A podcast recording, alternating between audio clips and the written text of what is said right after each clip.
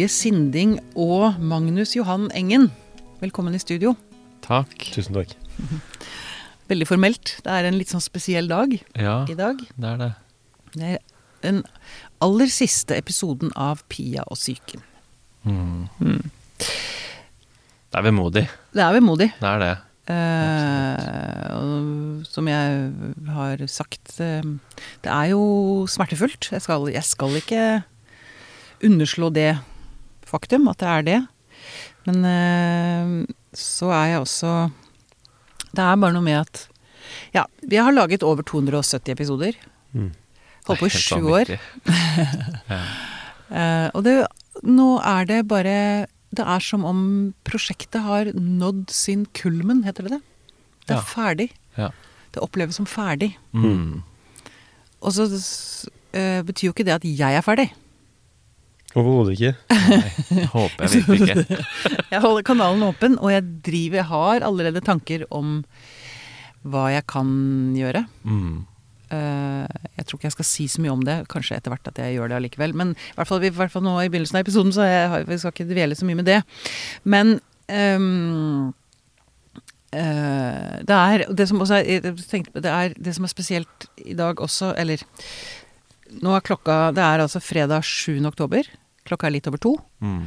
Og så fort vi er ferdige her, så legger jeg ut den episoden. Så vi er veldig sånn Ja. Det er real time-ish, nesten. Ja. ja. Lytterne får liksom være med. Jeg føler at alle lytterne er med inne her nå. Mm.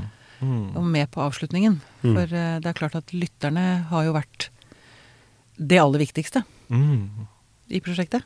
Mm. jeg det hadde jo aldri vært noe Pia Psyken. Hadde, jeg ikke- hadde det ikke vært lyttere der. ikke sant. ikke sant. Ja. Det er litt sånn altså, Når du sier syv år og over Hva sa du? Over 240 episoder? 70. 270, 274 tror jeg vi er oppe i. Ja. Mm.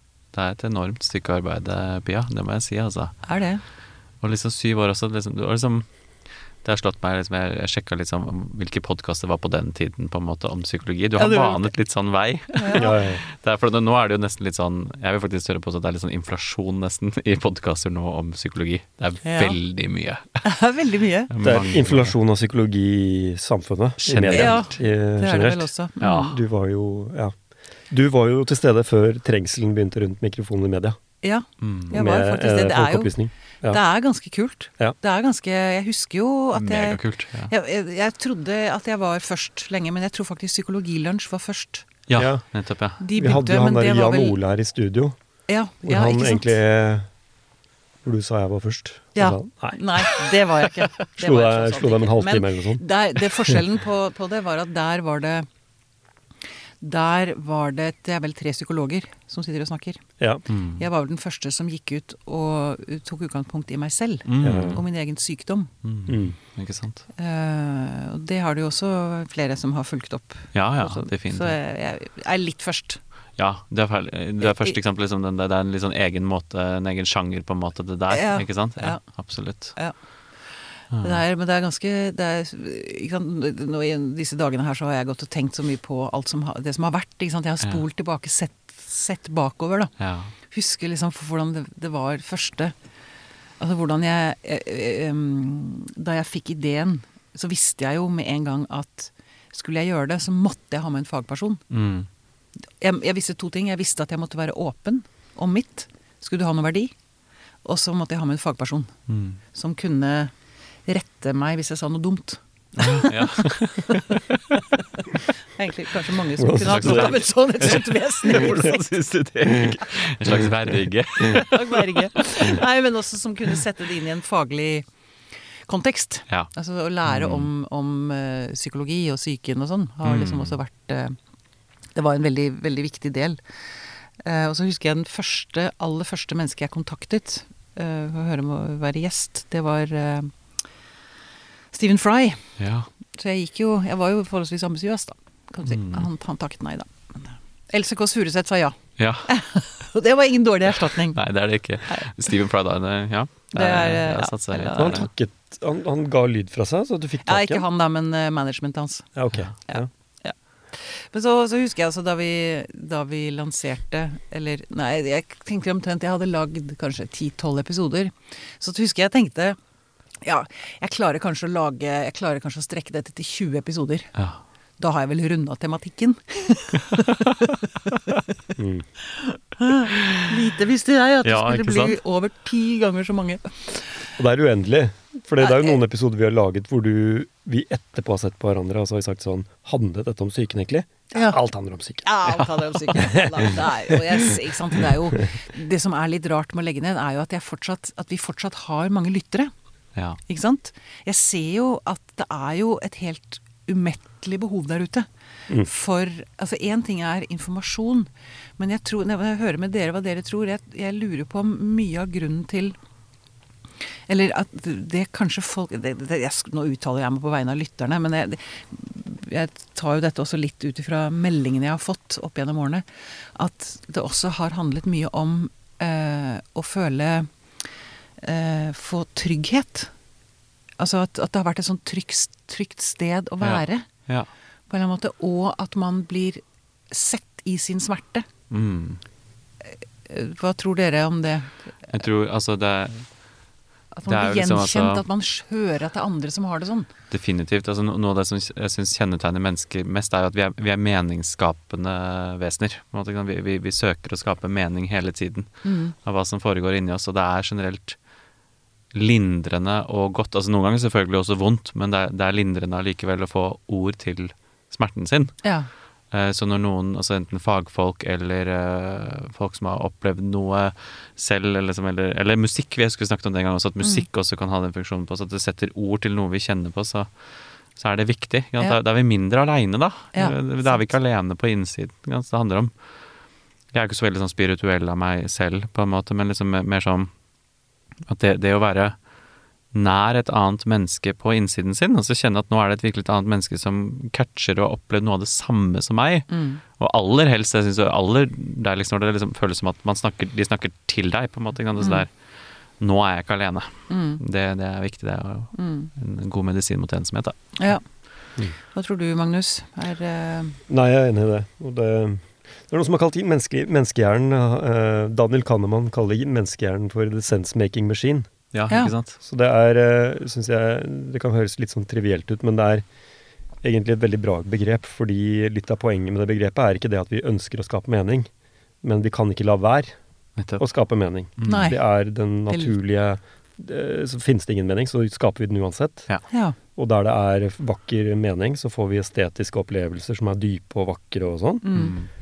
Og, og sånn er det selvfølgelig når det gjelder det relasjonelle feltet, som er kanskje det som preger oss mer som følelsesmessig. Mm. Så får du en masse meningsskaping. ja. Relasjonelle, ja. Og, og Mm. jeg tenker jo at psykologien er ganske ny, ny uh, i dette feltet, egentlig. Altså sånn, filosofien har jo dreiet seg om å skape mening til lidelse og smerte. Uh, det mest kjente er jo på en måte bevegelsen med eksistensialismen, kanskje, men Mm. fra mye tidligere enn det også. Mm. Så eh, Ja, ja. både filosofien og, og Religion. eh, Religion, religionen, altså, åndelig, åndelig. buddhismen Mm. og sånn. Mm. Ja, absolutt. Alle religioner, egentlig. Mm. Ja. Mm. Så vi moderne, litt, litt moderne religiøst kollektiv med podkast. Kanskje Pia og psyken hjelper folk med å føle seg litt mindre ensomme, og at det kan bidra å gi ord til noe de kjenner på, da. Ja. Og så er det selvfølgelig også masse læring og, og spennende ting oppi der også. Liksom, Ja, sånn, ja, ja. Mm. Det har jo vært, eh, har vært Så, sånn så kan det gjøre oss lettere for oss også å forstå andre. Også, ikke sant? Ja. Altså, å hjelpe å skape mening av hva andre gjør, og hvordan andre har det også. Ikke sant? Så det er et sånn eh, medmenneskelig aspekt i det òg, på en Mm. måte. Ja. mm. Ja. Fy fader, det har jo vært en helt altså, Herregud, så mye fine folk jeg har truffet, og Ja. så mye jeg har lært, Ja. og så mye spennende jeg har fått være med altså, inn i andre menneskers tankeverden og følelsesregister og sånn. Mm. Det er uh, For et privilegium Ja. det har vært for meg å sitte her og sitte sammen med dere, altså alle de flinke fagfolka jeg har hatt ved min side hele veien, eh, og disse gjestene som har kommet og delt av både ja, kunnskap og opplevelser og sin, Mm. sin egen smerte og sitt eget håp og Ja. det er, eh, det er eh, Det er ikke, jeg vil jo ikke at du skal rangere eller noe, eller sånn, men, liksom, men er det noe som, noe som popper opp som liksom har vært ekstra liksom, Som liksom popper opp kjapt når du snakker om dette? Det er liksom sånn, ja.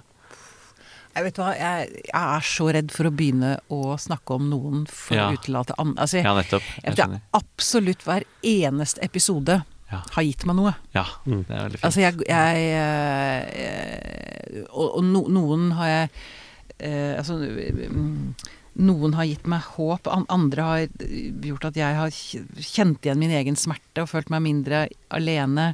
Noen har jeg lært mye av. Mm.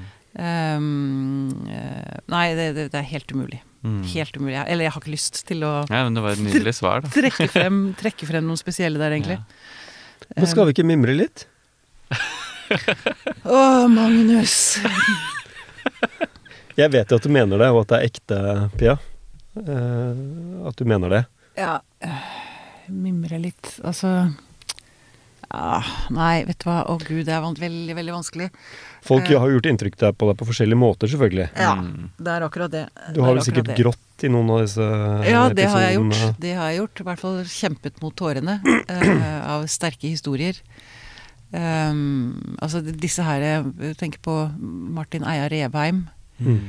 uh, som fortalte om sin ufattelig bonde oppvekst. Mm. Og sammen med Rune Andersen også var en veldig sterk episode, husker jeg. Han også vokste opp med en voldelig far. Mm. Alkoholisert, voldelig far. Ikke sant? Så de eh, Det er nok kanskje det som har gjort aller dypest inntrykk på meg, tror jeg. Mm. De som har kommet og delt sin egen personlige Ja. historie. Ikke sant? Fag, fagfolk har også rørt meg. Ikke sant? I hvert fall de gangene Selvfølgelig, jeg blir jo mest rørt av det som treffer mine egne sår, ikke sant? Vi har snakket om traumer, Ja, ja, ja. Eh, Når vi har snakket om, om mm, eh, død, Ja. eh, fordi de har vært så mye til stede i mitt liv. Det er klart at de episodene har jo, har jo beveget meg dypest. ja, Ja, ja. Mm. Og jeg er jo Dette har vi snakket om en del, Magnus, fordi øh, du er nok en del mer akademisk anlagt enn meg. Mm. Så vi har jo hatt noen episoder hvor jeg har sittet og tenkt shit, jeg jeg skjønner ikke bær. Men jeg var også med i den uh, Martin Eia Revheim-podkasten, for eksempel. ja. Som gjorde at det var, så, det var nesten vanskelig å tenke, ja. på grunn av at den historien var Ja. Og så vet jeg at Martin Eia Revheim han likte ikke bare å høre at folk snakket om at det var en sterk historie. At det var det som var eh, At folk kalte det en sterk historie. Mm. Eh, Men det, er jo, det var jo det. Det var jo det, det var jo det. det var jo uh, Men det sterkeste er jo Ja, sorry, nå avbrøt jeg. Nei, du feel free. Det er Nei, It's ja. your party. Ja, Da. for en gangs skyld. Da. Nei, uh, det, altså en ting er at det er sterke historier, men det som jo gir håpet der, er jo å se Det har jo slått meg så mange ganger. Herregud, så mye styrke og mot Mm. mennesker har til å komme seg gjennom de helt mest avsindige helt opplevelser. Det er Det, det er virkelig noe av det jeg sitter igjen med som kanskje noe av det sterkeste Ja. Ja. av jobben jeg har gjort med Pia og psyken. Mm. Det er altså Det er så grensesprengende. ja. Han er jo et godt eksempel på det. Han er et veldig godt eksempel. Og eh, Rune Andersen er også ja, det. Altså, det alle disse som har vært her, som som, har, der, eh, som, ja. som har eh, delt av og, og jeg har forstått hvor hvor eh, grusomt, mye grusomt de har opplevd. Ja. Rett og slett. Og hvor, hvor, hvor, skakkjørte selvbilder Mm. eh, de har hatt en gang, og hvordan de har klart å komme seg ut av det videre og Mm. bygge seg opp igjen. Altså den derre grunnleggende styrken vi mennesker har, Mm. er så eh, flott. Det er enormt. Ja, rett og slett. Mm. Så um, Det er sånn jeg også kan kjenne på mye som terapeut også, sikkert du også, Magnus. Altså, liksom, hvor ja, folk kan ha opplevd helt vanvittig vonde ting, men det er likevel Mm. liksom at når vi får Vi trenger sikkert Vi trenger noen ting for å komme ut på andre siden, ikke sant? På en Mm. god måte som eh, liksom eh, Samhold. eh, Mm. Forstå, at vi blir forstått, at vi får ord til det, skal kunne skape mening av det, osv. mm, men vi, vi kommer oss eh, Ja, vi, vi tåler veldig mye, altså. Ja. Og. Og, en annen ting som jeg også tenkte jeg lurer på om det var Solveig Ude vi hadde eller, ja, eller det er flere som har sagt dette, hvor viktig det er å bare ha én person. Mm. Altså om alt annet svikter, om foreldre svikter altså, Mm. Men det der, det er også en ting som sitter dypt i meg, etter, som jeg snakket om i flere episoder. Viktigheten av det ene mennesket. Altså hvor viktige Ja. hver, hver av oss er. Kan være for hverandre. Ja, For barn, men også for andre voksne. absolutt. Helt klart. Og den, den, eh, den eh, eh, altså Hvis man føler seg meningsløs selv, altså så det at man kan virkelig ha en stor verdi for et annet menneske. Ja, absolutt. Og gjennom det ligger det også Der er det også mening å Mm. finne, da. Definitivt. Mm. Mm. Litt sånn eh, Og at man må ikke liksom være Bare det å være et medmenneske med et annet menneske i noe sånt, Mm. det kan være enormt. Mm. Ja. Mm. Men jeg har lyst til å, å Jeg kommer kanskje på flere ting etter hvert som vi Mm. snakker her, altså. eh, Som, jeg, som plutselig popper inn i hodet mitt av uh, ulike grunner. Men eh, jeg har lyst til å spørre dere. Hva har dere Hva sitter dere igjen med? Hva har dere fått ut av det? Um, Ikke en dritt, si. Nei, Nå ble det jo, men altså eh, det er ikke så lett. Det er ikke så lett å svare På Nei, men eh, jeg, jeg, jeg, jeg skal eh, gi et forsøk, gjøre et forsøk, altså. Men eh, det blir jo, blir jo litt å si det samme som det du sier, da. mm, Men det er greit. Og, og eh, fordi eh, man har jo sittet og deltatt i disse møtene og hentet mye ut av det selv. Mm. Eh, først og fremst bare ved å sitte og lytte og møte veldig sterke personligheter som Og når de kommer inn her, så bringer de gjerne med seg en, en fortelling om et eller annet som er veldig viktig for dem. Mm. Så det blir jo også Man får jo også et veldig, veldig eh, Veldig, veldig fint utsnitt da, av den eh, personen som kommer. Mm. Eh, og, og så er jo du en, uh, syns jeg, en fantastisk intervjuer. Mm. Som eh, får folk til å eh, ville åpne seg. Eh, du vekker tillit veldig fort, og har en veldig god eh, Ja, du har en veldig god kontaktevne, da. Mm. Eh, det, som er veldig fint. Og eh, da kan man, det bringer meg over til neste poeng. Altså, det er veldig hyggelig å bli kjent med deg også. Takk i like ja, ja. Så, og vi har jo Jeg har jo fått gleden av å kjenne deg litt privat og sånn også. Og, og setter jo veldig stor pris på det også. Um, uh, og men, så, men så er nok jeg også litt sånn som deg, det at det som sitter igjen, det er his, historiene. Mm. Uh, det er mange historier. Og jeg har veldig tro på, litt tilbake til det Aksel snakket om, dette her med å danne mening, eh, så har jeg veldig tro på dette her med at vi mennesker har en veldig sånn nytte av å høre sammenhengende gode historier, fortellinger. Mm. Ja.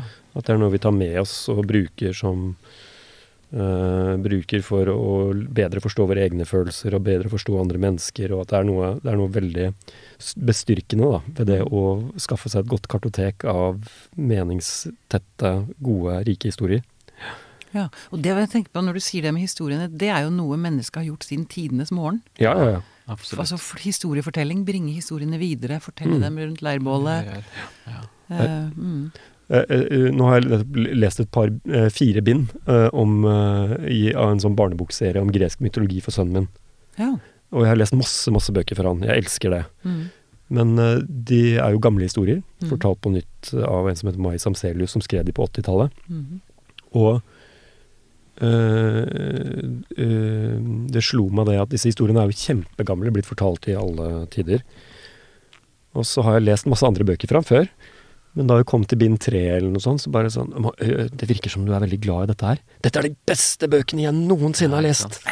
Øh, og, og til stadig så på en måte i hverdagen trekker han frem de, de fortellingene og historiene. Ja. Og uh, som jeg tenkte egentlig lå, lå litt over hodet på han. Ja. Men uh, da slo det meg at en god historie er så, har en så ekstremt kraftig appell. da. Ja. Mm. Og engasjerer, ja, det engasjerer så veldig. Du ser det skjer så mye i hodet på det ja, ja. barnet som tar imot. Og med det voksne òg. Altså, Med voksne hø- også. hø- høre historier. Altså mm. Ja, Aksel.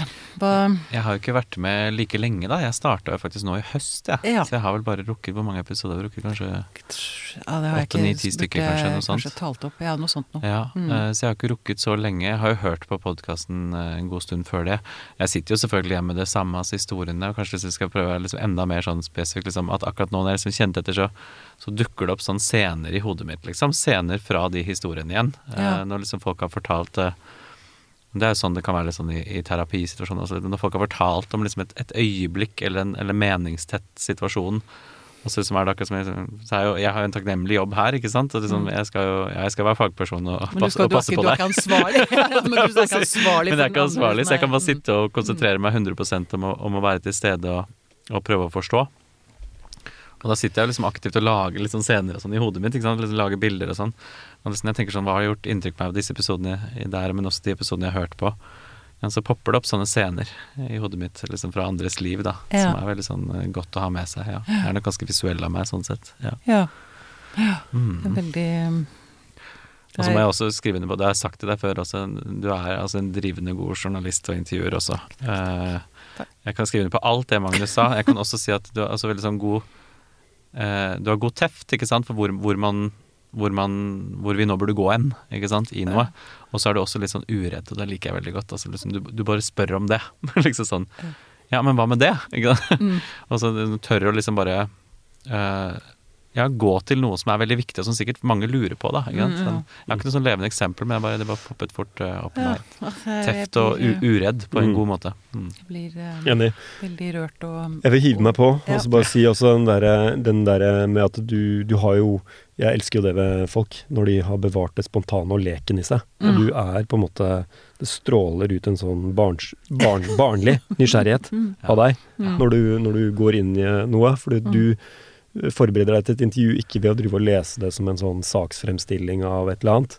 Du går inn Hva er det som er spennende her? Mm. Sant? Det er din inngang eh, til alt. Det tror jeg er en eh, nøkkelen til eh, suksess òg. Åh, så utrolig glad og rørt jeg blir av å høre det. Og litt sjenert, kjenner jeg.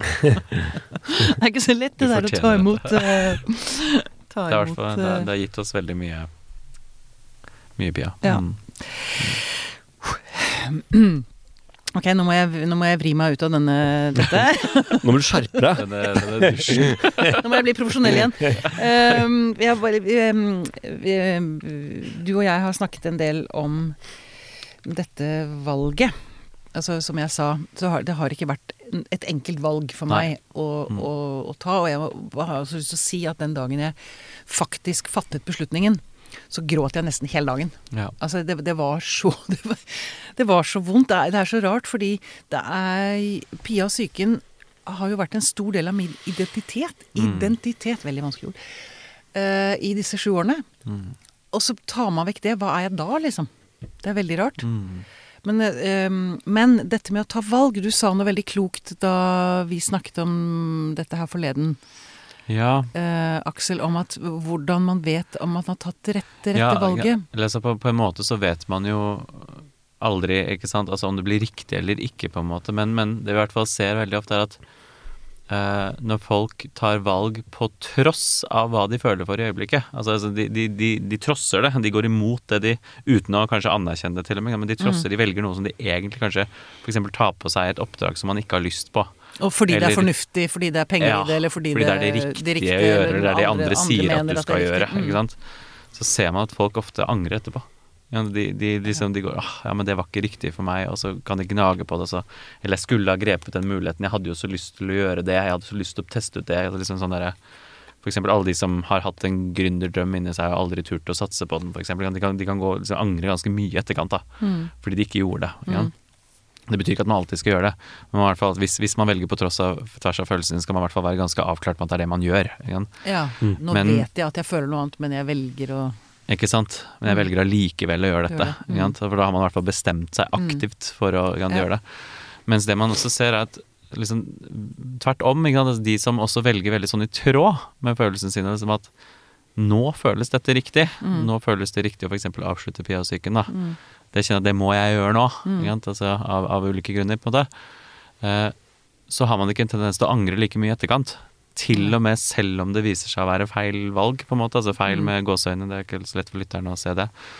Men at man Da kan man i lettere, større grad rettferdiggjøre det for seg selv seinere. At man skal Mm. si at sånn, det føltes riktig da. Ja, selv om det føles gjorde det da. feil eh, neste år. eh, Den jeg var da, hvordan jeg hadde det akkurat da, Mm. det tilsa at det var riktig. Mm. Og så ser jeg at det kanskje ikke ble så godt seinere, men, men jeg skjønner hvorfor jeg gjorde det. At da kan man tilgi seg selv for det, da, på en Ja. måte. Sånn. Så det er liksom ofte lurt å lytte litt til hva man eh, Og prøve å være litt sånn kongruent da, med innsiden sin, på en måte. Ja. Ja. Ja. Men det der eh, La oss snakke litt om følelser. For en gangs skyld. For en gangs skyld. Kommer aldri utenom det.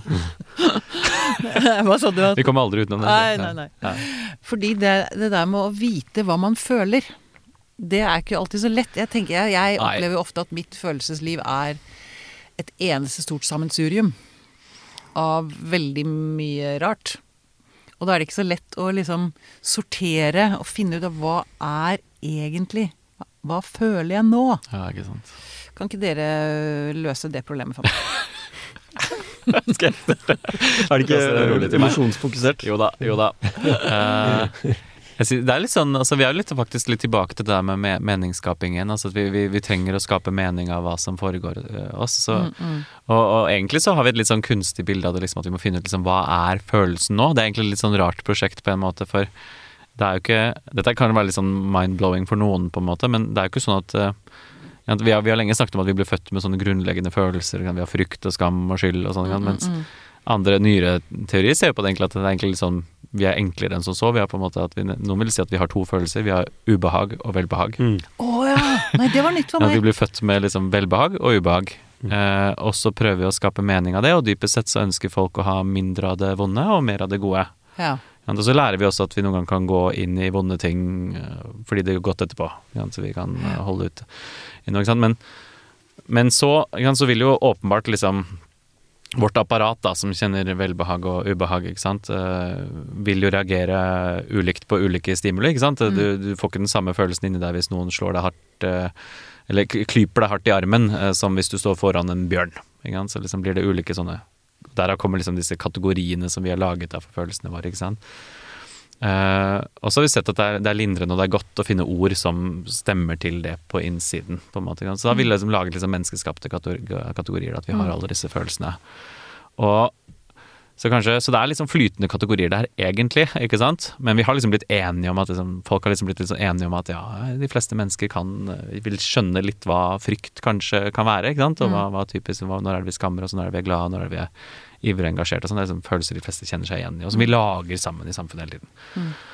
Og jeg syns alltid at kongeveien til å finne ut litt mer hva man føler, er å lytte på kroppen sin, egentlig. Altså flytte fokus ned til uh, magen og, og brystet, og det er der stort sett der de fleste følelser kjennes. Det er Men hvis man da går rundt bare og føler smerte der altså, Ja. Nå snakker jeg ikke om mageknip. Nei, nei. Uro, liksom. U- angst. smerte, det er bare ja, et rotete signal, liksom. Et, rotete, ja, et, eh, støy, ikke sant. Det er noe jeg kan eh, slite med, nemlig. Ja, absolutt. ikke sant? At det liksom signalet, signalet fra kroppen er utydelig, på en måte. ikke sant? sant? Det er Det, er liksom, bare, det er akkurat som de skriker inni der, men jeg forstår ikke hva de sier. ikke sant? Da er det liksom, kanskje, Hvordan kan man se på det, da? At liksom kroppen bare er litt sånn overveldet her og der. bare Sender bare signal om at dette er ubehagelig. Mm. Det er bare ubehagssignalet. Mm. måte, Men det er umulig å sortere. Hva er det Mm. som er ubehagelig? Og prøve å, å finne ord og skape mening. Det syns jeg man aller best gjør sammen med andre, da. Jeg må Ja, jo si det. sant? Ja, det det. Uh, og da mener jeg ikke terapeut. Det tror jeg har sagt til deg før, at, liksom at jeg syns ikke psykologer skal ha monopol på menneskelig smerte. Jeg syns liksom det skal vi snakke med Vi skal snakke liksom, Er ikke det noe av det mest grunnleggende vi trenger, da? Så ref liksom Ref til leirbål igjen, på en måte. Og sitte og snakke sammen om hvordan vi syns ting er, og at andre forstår. Ja? Altså, ja. Før jeg går videre, så har jeg bare lyst til å høre med deg, Magnus, om du, hva du tenker om det Aksel Hva var det, sier. hva var det utgangspunktet, spørsmålet ditt igjen? Eh, hvor, hvor, det, er, det er ikke alltid så lett å vite hva man føler. føle? Mm. Det er ikke alltid så lett å vite hva man føler. Jeg vil gjerne ha kartet til følelseslivet mitt, hvis du, hvis du kunne komme med det. Så. Jo da, men jeg er enig, jeg er enig i det som uh, Aksel sier her, og så tenker jeg jo at uh, eh, Jeg tror uh, kanskje at eh, psykologien, populær, populærformidling av psykologien formidler eh, på en måte oppgaven, det å bli, bli kjent med følelsene dine og lytte i kroppen. Mm. Eh, og at det er, eh, høres mye mer lett, eh, lettvint ut enn det i realiteten er for veldig mange av de som er mest interessert i å få rådet. Mm. Hva skal jeg gjøre? Mm. Fordi mange kan jo da oppleve at dette følelseslivet ble forknytt, og at følelser ble smeltet sammen med ubehagelige, traumatiserende opplevelser fra Ja. såpass langt tilbake i det nøstet at Mm. det er liksom blitt til en knute som på en måte ikke løses Mm. veldig fort. Mm.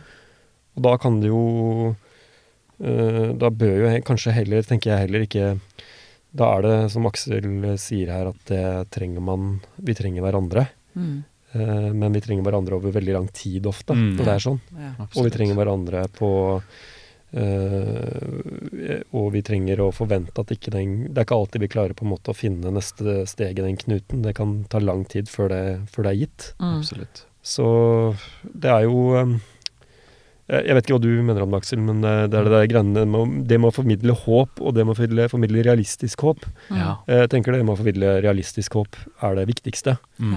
Eh, og at Så at eh, det, dette med at folk ja, Håp er bra for psykisk helse, tenker jeg er bra så lenge det er et håp som folk knytter til seg og merker at det, det er Det er faktisk- en viss realisme i. Ja, ja. Eh, så, så perseverance, hva heter det på norsk? Standhaftighet. Standhaftighet, ja, ja. Utholdenhet. Og, ja, Mm. uh, i, I det prosjektet som Mm. Aksel eh, Mm. tegner her. Det tror jeg er, tror jeg er viktig Det er å ha med seg. Da. Mm. Og kanskje den liksom altså, liksom håpet også er på en måte litt sånn avhengig av at det føles litt sånn at det, det må liksom at det, Ja, det, er, det, er liksom, det, må, det, må, det må fordre at man kjenner at man er liksom At selv om vi ikke er der helt ennå, så er det i hvert fall altså små biter som faller på plass, liksom. Ikke sant? Mm. Hvis man liksom aldri har klart å skape mening av innsiden sin i det hele tatt, på en måte, så er det vanskelig å se at ja, vi, vi skal komme dit hvis vi holder på lenge, på en måte. Liksom det er uh, små biter. Jeg, liksom, jeg syns sånn, synes det er sånn jeg holder på sjøl òg. Altså, jeg, jeg vet ikke alltid hva jeg føler. Det er, Det er godt- det er godt å høre at også fagfolk kan, sånn, eh, Jeg vet alt det. ja. For jeg kan, jeg kan, jeg kan være helt inni det, ikke sant. Og, og til og med også liksom det som også er nesten enda mer frustrerende, til og med at når jeg vet hva jeg føler, men jeg klarer allikevel ikke å, å håndtere eller handle på det. ikke sant? Liksom, for Mm. eksempel at jeg merker at jeg blir sint ikke sant? når jeg er med barna mine, og så allikevel så kommer den kjipe kommentaren, liksom. Ja. Og vi blir tatt av det, vi òg, da. Um, og at jeg syns liksom at nesten hele livet liksom holder på en, en sånn langvarig prosjekt med liksom prøve å finne mer og mer mening og liksom lære seg selv å, å kjenne på et eller annet vis. Mm. Det er et langt prosjekt. Man blir liksom ikke ferdig med det. Nei, jeg tror ikke det er sånn én øvelse. liksom sånn, Gjør sånn, så finner Nei. du ut hva du føler i øyeblikket. Det Nei. tror jeg ikke. Jeg tror, jeg tror også bare eh, For å skyte inn en ting som jeg har tenkt på som jeg har glemt, eh, glemt å nevne i en annen podkast vi hadde her en gang Ja. også. Den der med det som ofte unnslipper, uh, unnslipper diskusjonen, som jeg tenker er et veldig sentralt og springende punkt, som er mye vanskeligere enn uh, hva folk jeg tror veldig mange egentlig er klar over, er å vite hva er god helse. Altså Ja. har man det bra? Ja. For det snakker man veldig, veldig lite om. Og, og litt sånn på TikTok så er vi vant til dette her med at vi driver hele tiden og altså vi diskuterer når det gjelder sosiale medier og TikTok og sånne ting. Hva er, liksom, ja, hva er en sunn, et sunt legeme, da? Mm. Fordi vi ser alle disse kroppene, og vi tenker at ja, det er for en, for en perfekt kropp, og dette, altså at da er det noe galt med meg, og, og så er det motreaksjoner med at det er, det er et stort spekter av sunne kropper og alt sånn. Mm. Men eh, når det gjelder eh, psykisk helse, så tenker jeg også jeg har sett eh, Jeg har fått tilsendt også noe, noen sånne eksempler på hva som rører seg når folk snakker om sånn får du god psykisk helse, sånn løser du problemene dine, sånn Mm, føler mm. du deg bra hele tiden. Ja. Eh, og der er det ikke den samme debatten, føler jeg. om Hva, hva er det som er, va hvordan er det det er vanlig å ha det? Nei. Eh, så Men er, er det ikke litt sånn at vi eh, det, det er jo strengt tatt ikke helt lov, liksom, å føle smerte. Eller føle ubehag. Vi skal jo Eller føle Du skal jo ha det bra.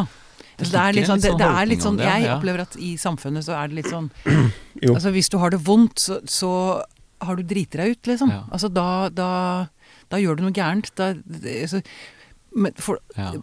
det, ja, men jeg, jeg mener jo at altså, dette med å føle smerte, Ja. Det er noe vi gjør. ja. Ja, det I kan være god større eller psykisk mindre helse. grad. Ikke sant? Altså, ja, ja. Og rett og slett føle smerten. Og sånn som jeg sa i sted, ikke sant? Noe, av det, noe av det fineste jeg har opplevd i Pia og psyken, er jo når min smerte blir speilet i en annen. Mm. Når jeg hører en historie som jeg tenker å herregud, det er en annen som føler Mm. den smerten. Mm. ja. Da det- føler jeg meg sett. Det er ikke at smerten går bort, det er at man nei, eh, det- deler det det. Man er, man man er ikke alene i det lenger. Men er dere, er dere ikke enige i at, at vi Jo, jo, jo. liksom unngår smerte? Vi løper liksom fra den. Åpenbart. Jo, jo. Og jeg alt tenk- for, og det gjør oss bare sjukere. Ja. Og jeg tenker på samme måte som det, dette med at folk føler det er noe galt med kroppen sin, selv om de har en veldig sunn kropp, fordi de blir presentert for idealer som er Mm. avvikende hele tiden, eller som Mm. er avviker med, det, med en selv, så tror jeg også at noen føler at livet burde vært annerledes, fordi de får presentert Altså livet burde følt annerledes. Ja. Eh, når kanskje de har det egentlig Altså, jeg skal ikke si at alle som eh, føler, opplever at de, de som opplever at de ikke har det bra, har det jo åpenbart ikke bra. Men jeg tror på samme måte som med kroppsidealer, at vi også gir folk en del falske idealer og forventninger til hvordan livet skal føles iblant. Mm. Eh, og at eh, livet er jo Altså, eh, Verdens helseorganisasjon tror jeg har definert psykisk helse som Det var akkurat det jeg skulle Ja. si. Ja, nettopp. ja, ja, ja. Psykisk helse Ja. som Det er fravær av alt. Ja. Altså en eller annen sånn er helt sånn, vanvittig ja, en tilvæ en tilværelse av fullstendig subjektiv su Altså et eller annet sånn positiv well-being, et eller annet sånn der Ja. fysisk, mentalt. Ja. Det er- Helse, den er Verdens helt- helseorganisasjon det. har er helt definert ekstremt Vi fikk en eksamensoppgave på, på studiet, husker jeg. Liksom Ja, sånn, det var en sånn Diskuter denne definisjonen, på en måte, og så ser du at hele definisjonen legger opp til at sunn psykisk helse er fravær av vonde følelser. Ja. Men det er jo helt vilt. Ja, for liksom hvis du går tilbake til eh. Hvis du liksom går til liksom grunnforskning på affekter igjen og sånn også, så ser man til og med liksom at sånn som, sånn som følelsen, altså joy, da, hvis vi skal kalle det det, liksom affektsystemet joy, altså liksom glede, eh, eller vel, velbehag, liksom, at Mm. de sterkeste gangene vi opplever det, altså til og med det, er, er når en vond opplevelse slipper. Ja, Altså, ikke sant? sant. altså når, du, når du har noe vondt, og så får du møtt ditt emosjonelle behov i det, altså, så blir du glad.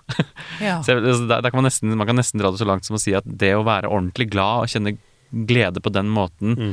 forutsetter Mm. muligheten til å kunne kjenne på noe ubehagelig. Ja, det er jeg helt enig i. Dette blir som så lys og, lys og mørke. Vi kan jo ikke ha lyset hvis ikke det er mørke. Nettopp. Altså, vi trenger begge Dette har Ja, det tipper de fleste har opplevd at de har sørget, vært kjempelei seg, eller Mm. vært triste og delt det med noen, og så får de trøst og omsorg og forståelse, og så kommer latteren, og så smiler man Ja. etterpå. Det er akkurat den samme sekvensen, på en måte, tenker jeg. Ja. Altså, det er der den liksom ordentlig gode gleden er, da. Ja. Det er liksom Eller du kan gjøre det enda mer banalt, da. Du, du, du, du ser på en skrekkfilm, og så blir du redd, og så går det plutselig fint, og så ler du, og så er du glad og liksom litt høyhet, eller så har du mestra Mm. frykten, og så ja, alt det greiene der. Mm. Men da, da jeg, forutsetter vi, ja. Vi må kunne kjenne litt på vondefølelser eh, også. Det er naturlig, da. Ja. Mm. Det- Ja, det, er, en, det er rett og slett en, en helt naturlig, nødvendig del av livet. Ja. Og vi er litt følelsesredde, syns jeg. Altså, Ja. Spesielt fordi jeg er helt enig i, i påstanden din. Mm. At eh, Jeg syns vi gjør det generelt. Kanskje Norge liksom er litt sånn Ja, jeg skal ikke svartmale Norge, da, men liksom Vi er ikke så, vi er ikke så begeistra ofte heller, liksom. Altså sånn glede er det ikke så ofte du ser nordmenn juble med hendene over huet heller, liksom. Nei. Og det er liksom, Vi er kjapt med barn, liksom, at du må gjerne være glad, men ikke være så glad, liksom. Mm. Vi er liksom, liksom bare litt sånn Vær glad med innestemme, Ja, ja. på en måte. Så vi er, vi er liksom Vi, Ja, vi har ikke så veldig sånn sterke um, Nei, det, dette har vi også snakket om, om før. At Ja. jeg, jeg tenker jo kanskje at jeg Mitt lynne hadde passet bedre i Sør-Europa. Ja. Hvor det er litt sånn Det er store fakter, og det er eh, Det er veldig annerledes rundt omkring i er- verden, altså, Jeg opplever at det er mye større plass for Altså eh, voldsomhet, da. Ja. I alle, i alle Wow, følelser. ro deg ned her. Må ikke vifte med hendene. Nei, nå blir de redde. Nei, men det er ikke, det er, det er ikke så det er, Jeg lurer på om det liksom er lettere å sitte og grine på bussen. Ja, det er nok det. Det er, og, og man har gråtekoner eh, ikke sant? Midtøsten, ja. Sørge, Ja, som hjelper deg med å sørge. Altså, snakket med en kollega fra Venezuela som hadde drevet og snakket med folk på bussen. For den kjedet seg i Norge. Begynte å snakke med folk på bussen Ja. og merket at eh, Ja, altså at det ble sett på. Altså at det var eh, folk eh, vurderte å ringe, ringe, ringe legevakten eller noe sånt. ja. Så nå har jeg sluttet med det, da. Men eh, det er en sånn type Ja. Ja. Det der med å ikke Det med å være litt lukket altså, altså Det er jo selvfølgelig et kjent norsk eh, fenomen, men jeg tenker uh, det eksempelet Sånn beherskelse, liksom. Altså, vi skal være så veldig beherska. For dette er en person da, som er egentlig helt herlig, da. Uh, og som eh, Jeg kan bare se det for, se det for meg. Mm. At den kom bort og Ja, ja. hadde opplevd et eller annet og begynte å prøvde å sette i gang i samtalen med en Ja, ja. forbipasserende. For hun Ja, ja, ja. opplevd, eller er på bussen, for hun Ja, ja. opplevd et eller annet spennende som ville liksom fortelle med litt innlevelse. Ja. Og det, det, var jo, det ble jo tolket som. Ja, ja, ja. sykdom, da. Ja, ja. Men dette det minner meg på Var det ikke du som var huspsykolog på episoden med Sara Abraham? Jo, jo, jo. Hun snakket om det. Hun hadde vært på kino med en venninne. En norsk venninne. Sara Abraham. Hun Nå husker jeg, nå skal jeg ikke begynne å fortelle mer om henne, for jeg, jeg, jeg er så dårlig, har så dårlig hukommelse. Men hvor hun var fra. Men hun snakket vel åtte språk. Jobber i politiet. Og, jobber i politiet Ja, med ja, ja. mangfold. Jobber med Ja. rekruttering og Ja, men hun og- kommer f- Jeg husker hvilket, ikke hvilket land hun kom fra. Israel. Ja, Israel. Israel, ja. mm. Men I hvert fall, de, hun er på kino med en norsk venninne, og så hadde hun sett eh, Hei, Sara. Hun hører på, forresten. Jeg kjenner henne litt. ja, ja, akkurat. Ja, nettopp. Hei, Sara. um, jo, eh, de hadde sett um, en, en gruppe mennesker i sånne folk, fargerike folkedrakter og sånn. Ja, ja, ja, ja, og feiret et eller annet. Og så sier hun til venninnen sin Å, jeg har lyst til å gå og spørre det er for noe. Jeg lurer på om det var en musli, muslimsk høytid, det. Ja. Og venninnen, norske venninnen sa nei, nei, nei, nei, nei, det må du ikke. Og hun bare jo, jo, jo, jo, det er klart. Og så hadde hun jo verdens hyggeligste samtale med disse menneskene, og lærte noe om hva de feiret, hva som skjedde, ikke sant. Mm. Mm. Og det, der har nordmenn en del å lære, syns jeg. Mm. Og jeg tenker Ja. på, jeg opplevde her for noen uker siden, jeg var veldig ulykkelig og, på vei til jobb, og så treffer jeg en som jeg hadde snakket litt med, som også har hund. Og så spør hun meg hvordan det går, og så knakk jeg sammen og begynte å gråte. Mm. Ja, ja. Og, og det, det gjør ikke jeg veldig ofte. Men eh, Og det, det som kom ut av det, var jo faktisk et nytt vennskap. Mm. For da plutselig gikk vårt forhold fra til å være sånn bekjent, høflig hundeeier til å bli Altså, det, det åpnet opp et nytt rom. Det var nærmere. Ja, Mm. absolutt.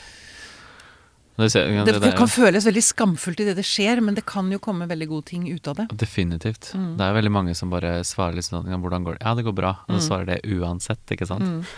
Um, jeg er veldig snakket- fan av at man faktisk kjenner litt etter hva du svarer. Ja, ja. Det var det der sånn, psykologfesten vi hadde hos deg. Ja! Det er Fordelen med å være på psykologfest er at det er ingen som svarer sånn. Nei, når du spør, du får et ærlig svar, liksom. Jo, nå skal du høre det! Ja. det plutselig kommer Nei, igjen. ikke så veldig bra. Liksom. Um, jeg tenkte også på det derre at altså, vi vil ikke ha vonde følelser. At vi har også ganske sånn tendens, eller mange av oss har en tendens til å, å kjapt skulle komme seg vekk fra det. Altså når vi har vonde følelser. Altså vi, vi gjør mye for å ikke ha det. Mm. Eh, både i oss selv, ikke sant. Altså vi, vi, vi, vi avleder oss. Jeg merker det på meg selv. Jeg merker ofte at liksom, når jeg merker at jeg er veldig mye på mobilen min, så er det ofte tegn på at jeg ikke har det sånn kjempebra. Ja, ikke sant. Altså, Det er en det er en virkelighetsflukt. Mm. Ikke sant? Eh, eller eller jeg, be, jeg bekymrer eller grubler. Det ser jeg også som et forsøk på å håndtere det ubehaget. på en måte, sånn, Finne en eller annen løsning eller forklaring i hodet mitt. Eller sant, altså andre, sant, Vi drikker, vi ruser oss, vi gjør ting for å komme oss vekk fra det. Men vi gjør det også med hverandre. ikke sant? Vi prøver å muntre opp og, og Ja. liksom bagatellisere og, og liksom finne løsninger. Fikse fella, liksom. Som at vi Ja. helt, hele tiden prøver å finne en løsning på Ja, men kan du ikke bare gjøre sånn, eller ja, men har du prøvd det, eller Nå er vi inne på dette med på det sånn. og sympati og sånn. Ja, absolutt. Og at uh, vi, vi er generelt liksom Vi er litt redde for å la det være der, liksom både på egen hånd og imellom, og det fordrer jo påvirker selvfølgelig hverandre, ikke sant. At jeg tror at hvis man vokser opp med at andre hele tiden tåler at du har vonde følelser, så er det lettere å tåle det selv òg. Mm. Det henger litt sammen. Mm. At vi er liksom rett generelt litt sånn Ja, redde for å la vonde ting være der. Vi, vi gjør veldig mye for å, å ta det bort. Også for å skåne andre for vonde følelser. Vi er redde for å ta opp ting også, som kanskje kan være litt vondt. Ikke sant? Vi er redde Ja. for å Det syns jeg er fascinerende for med foreldreveiledning, eller når jeg snakker med pårørende eller, eller klienter, at de vet veldig ofte hvordan andre har det. Mm. Mm. De vet, ta foreldre og barn som eksempel. da. Foreldre veit veldig ofte veldig mye om hvordan barna har det, og hva de kjenner på, hva de opplever, men det er skummelt og vanskelig å ta det opp fordi man løfter fram det vondt. ikke sant? Mm. Vi vegrer oss litt ofte for det. ja. Mm. Eller at liksom kan vite akkurat hva partneren din syns er grusomt vondt, og hva som er en sånn betent sak mellom dem, men det er skummelt å sette ord på det og gå inn i det, fordi Ja. da, da kommer det vonde fram. Og da føles det, er mange redde for at vi gjør det verre, ikke sant. Mm. Og så kan jo noen ganger Noen ganger kan jo selvfølgelig det hende, da, hvis man tar det fram, og så blir det bare en vond samtale, det en liksom ny, ny runde i noe kjipt som ikke Mm, mm. kommer videre. Men men ofte så er det da at vi ikke, vi ikke våger å sette ord på det vi vet at folk har det vanskelig i. Og så går det liksom, og så blir vi alene i smerten, og så sitter det og surner, og så Ja. Mange sørgende forteller om den opplevelsen. At de sørger, og så er det ingen som tør å snakke med dem om de de har mistet. ikke? Nei, Mm. det er jo klassisk det der. Det kjenner jeg igjen. At mm. uh, man tror at Og jeg må, jeg må ikke nevne faren din, fordi da husker du at han er død. Ikke sant? sånn, som om jeg har glemt det, liksom. Ikke sant? Ja. Da skal jeg liksom skåne deg for Mm. den, fordi det er, det er akkurat som folk tror at vi skaper den følelsen. Hvis noen har tatt opp det, og så kjenner du på det, så tror du liksom at det er de som har skapt den smerten. Men den har Mm. vært der allerede, den har fått komme Det er fram. Det er? Ja. akkurat det. Mm. Ja. Det, er- det er virkelig noe jeg eh, ønsker meg for eh, samfunnet jeg lever i. At det er mer plass til det bonde. Jeg er enig, altså. Mm. Jeg tror, jeg tror jeg har en sånn ja, jeg tror på at vi blir friskere av det. At vi får det bedre med oss selv og hverandre.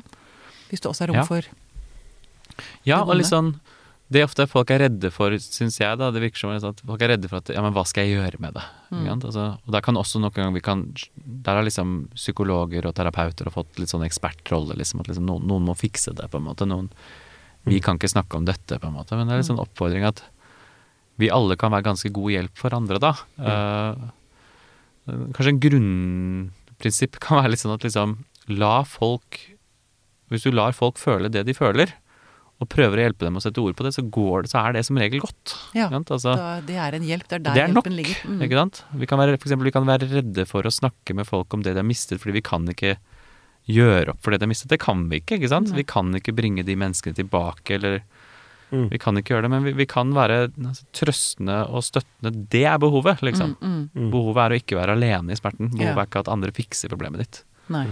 For problemet kan faktisk kan- ikke fikses. Nei, ikke sant? Det kan flyktes fra, men det kan ikke fikses. Ja, jeg Altså, tenker det gjelder med masse bare- følelser. Det gjelder også med frykt òg. Man kan være redd for alle forferdelige ting som kan skje i verden. ikke sant? Mm. Og det kan ikke, jeg, jeg kan ikke liksom beskytte barna mine eller mine venner eller en klient som er redd for noe. Jeg kan ikke praktisk beskytte dem om alt som kan være farlig. Det kan jeg ikke få til. Mm. Men de kan få følelsen at noen er på deres lag. Ja. Og da føles det litt tryggere. Ikke sant? Ja, nå Det er litt sånn som eh, Aksel skriver, sier det der med bruk av telefonen og virk virkelighetsflukt. Mm. Så er det jo, eh, jeg tror vi alle har erfart det, at noen ganger så er det sider av virkeligheten som utspiller seg foran oss, hvor, som ingen tør å benevne. Mm. Før noen plutselig gjør det veldig direkte og helt ubøvlet bare sier akkurat hva det er som skjer. Mm. Så merker alle at åh, det var jævlig, men veldig deilig at noen Mm. gjorde det. Ja.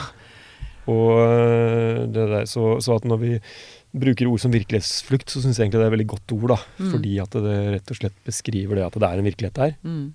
og at og det er en flukt der. Mm. Og så at, øh, så at øh, øh, med pasienter som går i, i samtalebehandling, så er jo ofte tema unngåelse av en eller annen virkelighet. Mm. Så man Ja. trenger å nærme seg på en måte som gjør at den blir tålelig. Mm. Mm. Eh, og da kan det innimellom være at det kan tåles ganske eh, direkte og tidlig. At noen opplever en, et veldig, en veldig rask bedring ved å klare å stå i følelser som de har unngått Mm. ganske fort. Mm. Andre ganger så er det uh, som, tilbake til det du snakket om, at ting er kaotisk. Det er vanskelig, man må Ja. nærme, seg, eh, nærme seg ens egen bakgrunn og virkelighet på, Mm. på annet vis. Mm.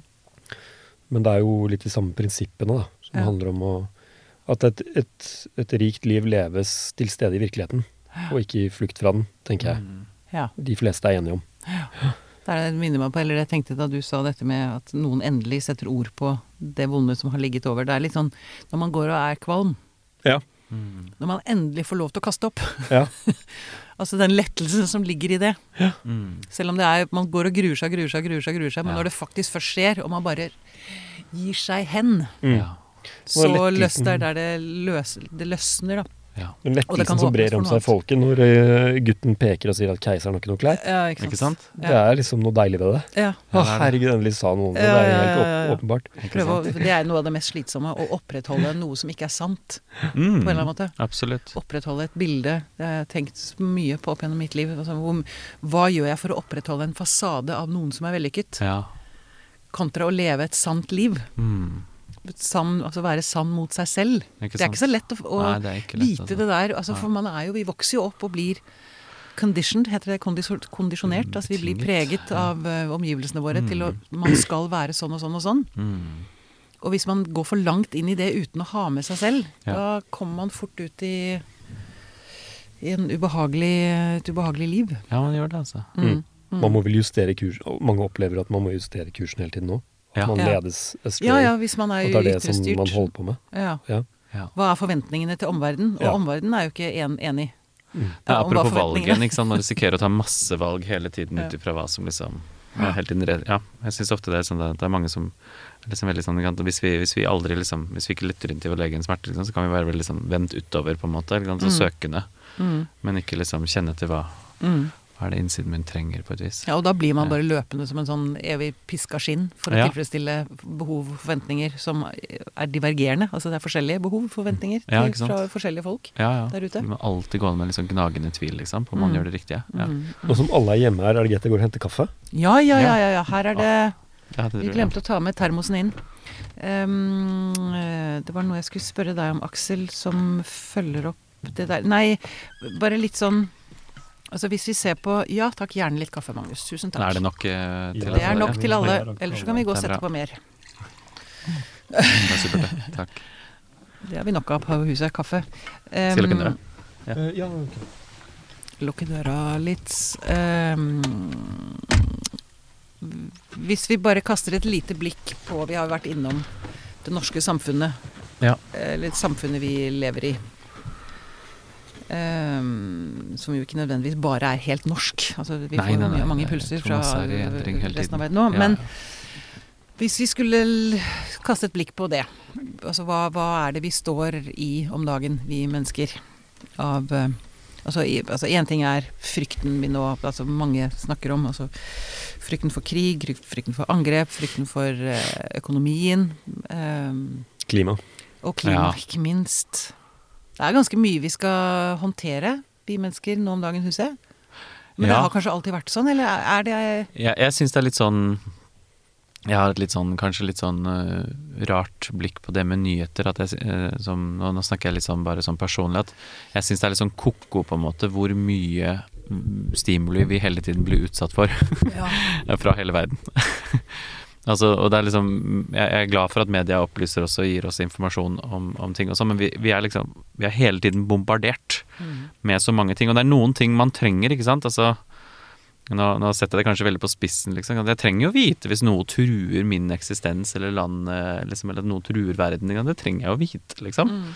Og så trenger jeg lokalnyheter. jeg trenger så jævlig vite hva er det som skjer i Ja, ja, der jeg ja, bor og i området. Er det noe som får få med? Er det noe som er viktig nå som liksom vil berøre meg og min økonomi Mm. og sånn?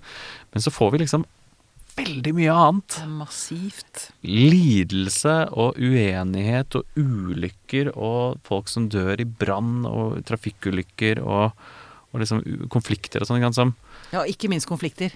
overalt. Er ikke sant? Både mellom personer, men også liksom krig. eh, Liksom. Mm. Så vi får ganske mange sånne inntrykk hele tiden som egentlig er litt sånn Det er ganske nytt, Mm. egentlig, at vi får alle disse tingene her. Jeg kan, tenke, jeg kan tenke meg en annen art. Liksom sånn det, nå, nå, jeg veldig, nå tuller jeg det litt til, men det er liksom ingen katter som får vite at en annen katt dør i, i, i toppen av Norge. Mens, men vi får det hele tiden, alle Mm. disse tingene her. Og det, det er ganske sånn stor belastning, da, tror jeg faktisk. Mm. Uh, vi får vite veldig mye. Ja.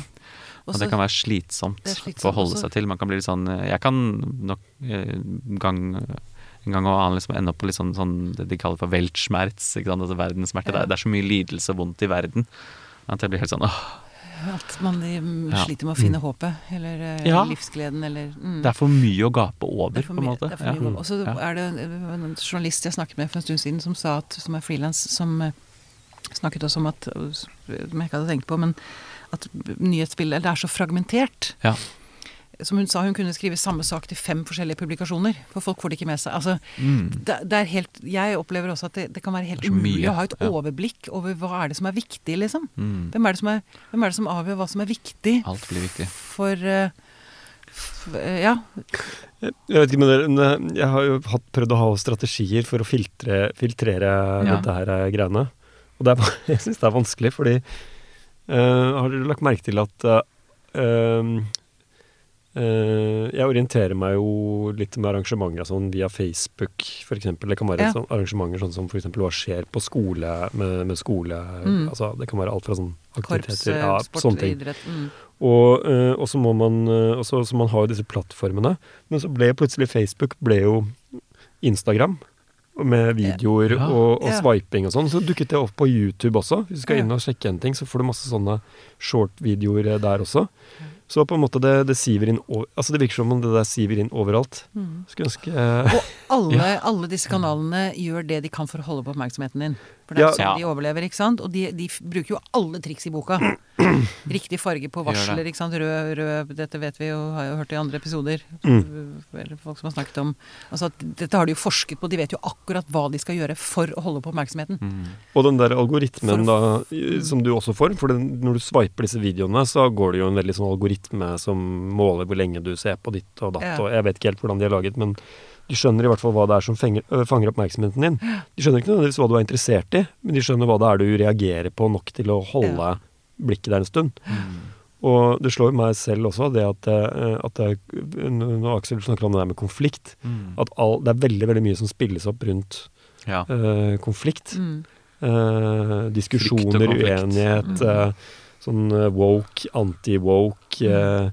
Eh, eh, nå, nå, nå, nå følger jeg litt ned på Haaland, for jeg har på en måte sånne klipp av han. Og da er det liksom ikke Ja. nødvendigvis bare han, men det er liksom eh, hvem er best da, Haaland og Mbappé? Som om det er en krig der. At Ja, han ene er altså, ræva, ja. han andre er bra, liksom. Ja. Så at det virker som om det er på en måte for å skape et eller annet, da. Det er Konflikt er jo er verdiskapning. Ja, men konflikt er vel også clickbait. Altså, vi, Ja, det er helt vanvittig. Uh, og Mm. det er det, det, Å stå imot det der Nå tenker jeg selvfølgelig på episoden vi gjorde med Ja, Lena ja. Lindgren. Eh, og hennes fantastiske bok, eh, essay, eh, som het Ekko. Ekko. Mm. Mm. Uh, for det, det, akkurat den det Jeg er også jeg blir mer og mer redd for mobilen min. Ja. Jeg ser hvor lett jeg blir sugd inn i en verden Mm. som jeg ikke har lyst til å være i, og jeg ser hvordan mine handlinger avstedkommer nye altså Man begynner å få Mm. mer av de samme klippene, og jeg, det er så ubehagelig. Ja, altså det, det Kanskje det er litt kjennetegn til, da. Ikke sant? Altså at vi, kan, vi liker Altså de det, er algoritmer som drar deg i en retning, ikke sant? gir deg en og en, en, et og en synspunkt mer og mer og mer og mer. og mer. Mm. Uh, men også altså at, kan, at mediene også bygger på konflikter. Kan, jeg vet jo bare, Det er skrevet masse om mediekrigen i USA ikke sant? mellom Mm. CNN og Fox News. Mm. Og hvordan de holder på disse frokostshowene. At liksom, det, er ikke, det er ikke lenger nyhetssendingene som er det liksom, primære sett, det er frokostshowene Ja, ja, ja. og talkshowene. Ja. Det er der de henter det. Ja. Og det, alt blir liksom popularisert og, og sånn. Og så blir det mye polarisering av det. Masse. Og det syns jeg er sånn virkelig sånn kjennetegn nå for tiden. At vi er generelt sett ganske sånn lite ydmyke for at andre kan ha en annen opplevelse enn oss. Enn oss. Mm. Og det er interessant og verdifullt å anerkjenne, i hvert fall nærme seg, på en måte. Vi er ganske sånn opptatt av å Jeg, synes, jeg har sluttet nesten jeg, hører på politiske debatter, for jeg syns det er så slitsomt. Ah, fordi de bare heller. argumenterer mot hverandre hele tiden. De lytter ikke på hverandre. Og på de argumenterer ikke bare mot hverandre, de undergraver hverandre. Held, vele, Og det er så ubehagelig å høre på. Hele tiden. Jeg blir fysisk uvel av det. Og da, liksom, da, da skjønner jeg at det blir polarisering, jeg. Altså Mm. liksom sånn mellom disse sidene liksom en, den ene siden sier noe de, Vi bruker skam da for å prøve å endre andre. Liksom. Vi kaller dem stygge ting, eller vi, noen ganger sier bare regler rett ut. Dere burde skamme dere fordi dere mener sånn og sånn. Mm. Eller dere er naive, dere er svake, dere er snowflakes, dere er rasister, dere er Mm. Det blir sånn kastet sånn fram og tilbake, på en måte. Da er, liksom, er det et forsøk på å få den andre til å underkaste seg og kanskje bli med på din side, da, men ofte så skjer det stikk motsatt. ikke sant? De blir Mm. sinte, og med rettmessig grunn, for det er ingen som liker å ikke bli forstått og hørt på. Ja, ikke Ja, og så blir det sånn polarisering. Sånn. Vi prøvde jo å løse dette problemet, Ja. faktisk. Gjorde de det? Ja, vi hadde jo um, Dere? et ja. par eh, jenter i studio. Ja. Unge jenter som Ja, eh, hadde de kvitta seg med mobilen. Ja. Mm. De hadde logget av alle sosiale medier. Ja, da, da var, Og det var jo hadde litt ikke fordi vi smarttelefoner lenger. De hadde gamle, Hva var det de hadde for noe? de gamle sånne Nokia, sånne Ja, uten, uten internett. Ja, de brukte et SMS og ringe. Mm. Ikke noen kartfunksjoner, altså ingenting. det vi smarttelefoner. Det, var jo, det var jo litt sånn eh, stilig, da, for de slet med å finne De var de første gjestene som slet med å finne lokalet. De hadde ikke, de hadde ikke Google Maps. Men, eh, men det, da eh, For vi, vi, vi snakket jo en del om det etter den der episoden med Lena Lindgren, nettopp Mm. dette her. Mm. Men det slår meg altså det der greiene med hvor, hvor, altså, hvor mange tilpasninger man må gjøre. Eh, sånn, nå var jo de studenter Mm. i ung alder, og det, det var de, de, de tingene de måtte gjøre for å tilpasse seg Mm. og komme seg av disse plattformene og, og sånn. Man må gjøre enda mer hvis man er i, er i jobb, har jeg funnet ut. Og Ja, er og ha eh, barn. Ja, så, at man har enda mer, så jeg fant ut at jeg fikk det ikke til. Nei. Nei. Vi er rett og slett- vi er rett og slett blitt helt avhengig av det. Ja, altså sånn Jeg er nødt til å gjøre det på en annen måte, i hvert fall. Mm. Ja. Og jeg har en sånn startside som heter Arts and Letters Daily på, på nettleseren min, som gir meg et sånn veldig sånn filtrert nyhetsbilde, Mm. med, som, som er laget for å selektere nyhetssaker som, som er interessante, og, og litt, sånn, litt sånn sakte nyheter, da. Mm. Eh, ikke sånn Fox, eh, CNN, Ja, er VG-nyheter. Eh, prøv, men så er det jo allikevel det at når du er inne på disse plattformene, så blir du med en gang kanalisert inn i, inn i en sånn loop av korte videoer. og annet. på- jeg lurer Mm. er fæle, ass. Men hva, for det tenkte jeg på, det så jeg en overskrift her forleden, eh, at man er redd for at internettet kan ryke. At det kan bli angrepet. Å ja, ja. Tenk deg, hva, det, det er også et, Ja, hva det er sånn da? artig Jeg syns det er gøy å tenke sånn Hva skjer da? Hvis vi mister internettet, da, da Altså Rykker vi inn igjen i Edens hage igjen, eller? ja, det, det, jeg, jeg, jeg, lurer på det, jeg vet ikke. Mm. Nei, men altså, tenk, tenk deg alt vi ikke får gjort. Altså, Ja, ja, det er masse det, det, vi får jo ikke Altså Ja. Helt klart. Helt klart. Det er mange vi sånne praktiske ting, men engang, det hadde vært interessant liksom, hvordan, hvordan det preget uh, samfunnet om det bare var borte, på en måte. Liksom, om vi skulle ta det bort, ja. Det hadde jo sannsynligvis oppstått fullstendig kaos, ja det tror jeg. Vi kunne ikke brukt minibankkort. Kunne vi det? sant. Vi kunne ikke betalt. Kunne vi det? Jeg kan ikke nok om det. Jeg, tror, jeg, jeg tipper det ikke hadde funka. Ja. Nei, men det er, en, det eh, er en øvelse. Jeg har lurt på det, jeg aldri, jeg har ikke klart det ennå. Men Mm. altså, jo, jeg, gjorde, jeg har gjort det. Så lagt fra meg mobilen hjemme når jeg går ut for å gå en lang tur i skogen. Ja, ja. Mm. Å, Så så ikke ha den, men ja. da, da er det sånn åh, jeg får ikke kjøpt ruterbilletten. Mm. Ja, ikke sant. Man er ganske sånn avhengig av å ha den med å betale. Ja. Um, Jeg jeg syns det er veldig deilig å gå tur og liksom løpe og sånn uten mobil, og bare liksom høre lydene som er. Ja, ja. Så kanskje det også er en ting. Altså vi, vi har veldig mange ja, altså Hvis vi tenker liksom at vi, vi unngår en del følelser, vi er ikke så glad i det, og vi, vi har et stort stimuli-trykk på oss hele tiden. Mm.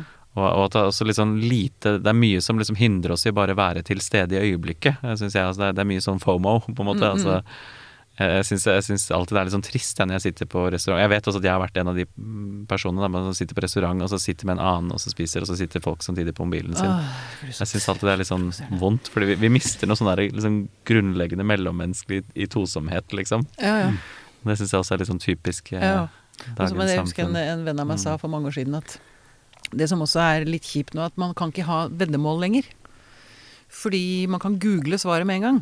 Altså Før så hadde, før i gamle der Nå snakker vi ordentlig, nå viser jeg alderen min selvfølgelig, men den vet jo folk, så Men ikke sant Nei! Nei, han scora bare tre mål i 1968.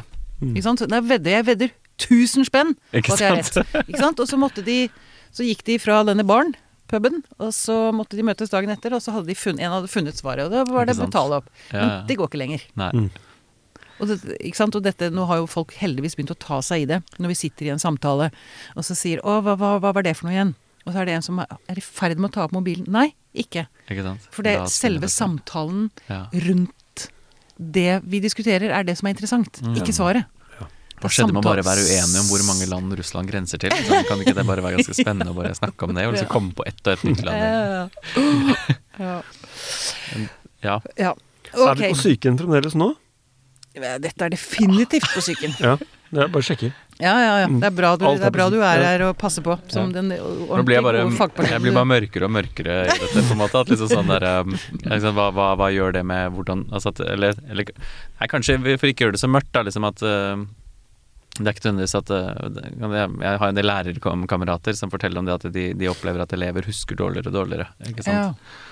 Og at uh, det har vært liksom sånn Jeg vet ikke om det Dette vet kanskje du mer om enn meg, Magnus. At liksom uh, de, de er redde for at vi outsourcer hukommelsen vår ikke sant, Ja. til internett og telefoner, og sånn at vi dermed får dårligere working memory, da, altså arbeidshukommelse, og, og at vi at det rett og slett endrer Kanskje det bare endrer måten vi tenker på, da. Mm. Kanskje, Mm. kanskje det er den, den snille måten å si det på. Det er ikke nødvendigvis at det blir dårligere enn før, men det endrer det i hvert fall. Mm. Eh, Så, så barna våre vil vokse opp og vil fungere annerledes Mm. enn oss, rett og slett. Altså, Ja. eh, Jeg er jo, jeg er jo sånn grunnleggende optimist når jeg snakker om dette her. Fordi Mm. jeg er jo I hvert fall Det jeg tenker om det, da, er eh, at jeg, er, altså, jeg mener de tingene når jeg snakker om alt det trashet som man får nå. Mm. mm. Men jeg, jeg håper og tror at vi er i et stadium av, i utviklingen av internett hvor vi holder på å gjøre masse feil. Mm. mm.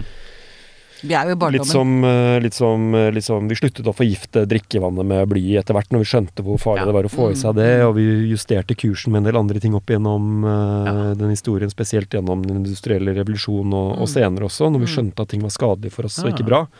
Og jeg håper jo Men jeg tror, jeg tror, tror det, ser ikke, det er ikke noe lys sånn umiddelbart i sikte, men eh, denne sakte teknologien Ja. som begynner å bli mer og mer populær. Så satt jeg en middag og snakket med en som hadde en, hadde en mann som jobbet med å utvikle en sånn telefon som skulle være mer døm. Ja. Så jeg bare sånn Når kan jeg forhåndsbestille Ja, ja, ja, ja, Ikke ja. Og det, ja. Ja. Det er jo mange Og- protester hele tiden Ja, ikke sant, ja, ja. mot det, så det er kanskje det er der det begynner, da. Mm. Sånn, Ja, for også tro, jeg, jeg må jo også si at jeg tror på det genuint iboende sunne i mennesket. At Mm. det også vil finne veien ut etter hvert. At man Jeg opplever i hvert fall det selv, at sant, når- når jeg blir uvel av min egen opptreden, så, så slutter jeg med det. Altså når jeg sitter og ser på reels og Ikke sant. At jeg Noe inni meg vet jo hva jeg trenger for å ha det bra. Mm. Og det mener jeg at det har jo mennesker. Mm. Altså vi har den vi, vi, vi, eh, vi søker oss mot det som gjør oss godt, til syvende og sist, selv om vi kan bli lurt og ført eh, ut på ville veier Ja, Mm. gang på gang. absolutt. Så har jeg en virkelig Jeg også er optimist, grunnleggende optimist. Jeg Mm. tror vi finner veien. Bare vi åpner opp Mm. for det. Håper vi klarer å gjøre noe med den polariseringen òg, altså. Ja, men det, jeg tror også Den det skremmer meg nesten mer, jeg, egentlig. Ja, Men jeg, jeg tror der også Jeg tror at vi blir Vi, vi skjønner det etter hvert, for Ja. vi blir uvel av det. Ja. Og da vil vi justere kursen, tror Ja. jeg, da. Mm. Det går ikke. altså Det, det, det må pike på et eller annet tidspunkt. Mm. Jeg har gjort et sånt tankeeksperiment sånn i hodet mitt flere ganger. Liksom, hvordan kan man få liksom, de ytre sidene som er polariserte, til å møtes? Liksom, hva, hva Mm. trengs av liksom Altså empati, da. Egentlig jeg vil si at Det er en av nøklene her. egentlig, altså liksom sånn at Vi må være empatiske for hverandres opplevelse, hvert fall, eller være i stand til å lytte da, og møte hverandre med respekt. Heller enn å, å, å, skammeliggjøre og sosial gappestokk og, og alt det der. Jeg tror mennesker altfor ofte bruker skam for å prøve å endre andre mennesker. Ja. Ja. Men jeg tror, bare for å Nå må vi begynne å nå, vi, har nok å snakke om, det er over en time allerede. Oi, ja. Men kanskje vi skal eh, Vi har noen ting vi vil eh, gjøre også, Å ja! Pia? Ja, Litt eh, Oi. ekstra nummer. litt ekstra sånt. Skal vi starte med det, det letteste? kanskje? Ja, ja, sånn- ja, ja Oi. veldig, veldig Du fint. nevnte, du nevnte Shit. eh, Ah. Vi har en liten gave til deg. Uh, en liten sånn En hilsen fra oss til deg. Nå- Eh, og det passet begynner- veldig veldig, veldig bra ut ifra hva du startet med å si. Mm. Nå Um, mm, har jeg prøvd en, å holde noe nå, ja. Hun har fått en pakke, og så pakker hun opp. Det er, Og det jeg, kan, jeg tror det er en bok. Det er en bok, det har du helt rett i. Og det passer ekstremt godt ut ifra hva som har blitt snakket om i dag. Kanskje det lå litt sånn i bakhodet ditt, eh, Magnus. Ja, ja, ja. Ikke umulig, det. Nei! Stephen Fry! Sin bok Mythos. Mythos som er om greske gresk mytene. Og fantastisk! fantastisk! Å, tusen takk skal dere ha. Det er en trilogi, bare så du vet det. Det en trilogi, Så hvis du liker den her, så kan du lese om helter, som er en egen, og om Troja. Ah, wow! Så nydelig. Så Der har du mange grunnleggende menneskelige historier, tror jeg. Det er, liksom, det er liksom de greske mytene virkelig gir oss. De har jo fanget opp noe så veldig sånn urmenneskelig, på en måte. Ja. De har en historie for liksom alt. Ja. Det er Gud av meg, så sprøtt at dere visste Stephen Fry. Eller ja, det jeg har kanskje snakket om det før, men wow. Og så er det en ting til, eh, Pia, eller det, det er flere ting også. At eh, du har jo Du har møtt mange eh, mennesker opp gjennom disse årene. Og, og du har jo blitt kjent, du har hatt flere huspsykologer og masse, masse, masse, masse gjester, ikke sant. Så vi har rett og slett eh, kontaktet noen av dem, og så har vi fått noen hilsener til deg. Så vi har noen lydhilsener vi skal rett og slett lese opp. My Gud. Ja. Du, hvordan gjør vi dette her? Kan ikke du ta på deg headsetet, for da hører du hva som kommer i våre mikrofoner? Ja. ikke det? Eller eh, Nei, jeg hvordan er det? hører det like godt i Og så du- okay. Også, men det vi gjør, vi, du sender dem til meg. Etterpå så kan du spille de, ta de Eller, eller er det lydopptak, eller er det Det er lydopptak. Det er lydopptak, for da kan ja. jeg, hvis du sender dem til meg, så kan jeg klippe dem inn, så Ja. lytterne får hørt dem ordentlig. Yes, ikke Det er sånn de gjør det. Mm. Og så og så spiller vi det av. Altså, vi, har litt, vi har litt flere øh, Vi har noen begge to. Mhm. Jeg har snakket med flere, så da skal vi se her om hva dette, hvordan dette høres ut. Da. Så får jeg bare Mm. se hvordan klarer jeg å få Kjære Pia. Her kommer en hilsen fra din aller første huspsykiater, Anne Kristine. Det heter at det er en tid for alt. Det var en tid for å begynne. Og nå forstår jeg at det er en tid for å slutte med Pia og psyken. Det var veldig, veldig morsomt, lærerikt og spennende å få lov å være med i oppstarten. Og de erfaringene vi gjorde oss sammen i over 90 episoder, kommer jeg til å bære med meg alltid. Lykke til videre med nye og andre spennende prosjekter. Det var fra Anne Kristine. Det var fra Kristine. Jeg tar, da tar jeg neste. Vi har snakket om han uh, tidligere i dag, faktisk. Hei, Pia. Det er Martin Eia Revheim. Jeg lytter. Jeg baler med mitt og prøver å finne svar. Og så er jeg så heldig å ha fått lov å være gjest på podkasten din. En av veldig mange podkaster som du har laga. Hvor du med din lange journalistiske erfaring og dine egne personlige erfaringer er på en evig jakt etter svar, med stor nysgjerrighet. Det er viktig for mange. Det er god folkeopplysning. Nå skjønner jeg at du har tenkt å gi deg med Pia Psyken, men jeg er helt sikker på at det kommer mer, akkurat som det alltid har gjort fra deg. Det er synd med det du legger bak deg, men vi gleder oss til det nye som kommer. Så på vegne av meg sjøl og mange andre lyttere, tusen takk for den jobben du gjør, og lykke til med det vi snart skal få oppleve. Det gleder vi oss til. Å, herregud, dette her Ja, det er øvelse. Kjære Pia, det er Finn som sender en hilsen fra skogen lørdag morgen. Jeg har forstått på Aksel at eh, den store, store reisen Pia og psyken nå nærmer seg en avslutning. Og da må jeg få takke på vegne av alt hva denne fantastiske podkasten har gjort for mange mennesker i Norge. Hvordan du har bydd på deg selv på konstruktive måter. Og takk for at jeg fikk være med på mange spennende og tror jeg nyttige og også viktige samtaler med deg og kloke folk. Lykke til videre på reisen. Dette var durabelig bra gjort, Pia. Finn. Går det bra? Hvordan er dette, Pia? Bra spørsmål. jeg, jeg, hva skal jeg si? Jeg står i følelsene mine, for det kan Ja. jeg i hvert fall si. Fint. Jeg jobba litt med å få tak i den her, for jeg, syns, eh, jeg tror du, jeg tror du syntes det ville vært litt overraskende og morsomt. Det er en video også, så du får se. Nei. Jeg skal bare si eh, vel blåst, jeg. Eh, bra jobba. Hilsen en gubbe eh, i favorittmålekåpa si. Eh, med briller som jeg nå jeg, skjønner, jeg skjønte ikke hvorfor jeg hadde fått så mye fikk så mye feedback på brillene mine de siste uka. Altså, altså disse har jeg hatt kjempelenge. Det viser det seg at det er samme brillene som eh, Jeffrey Dahmer, vet du.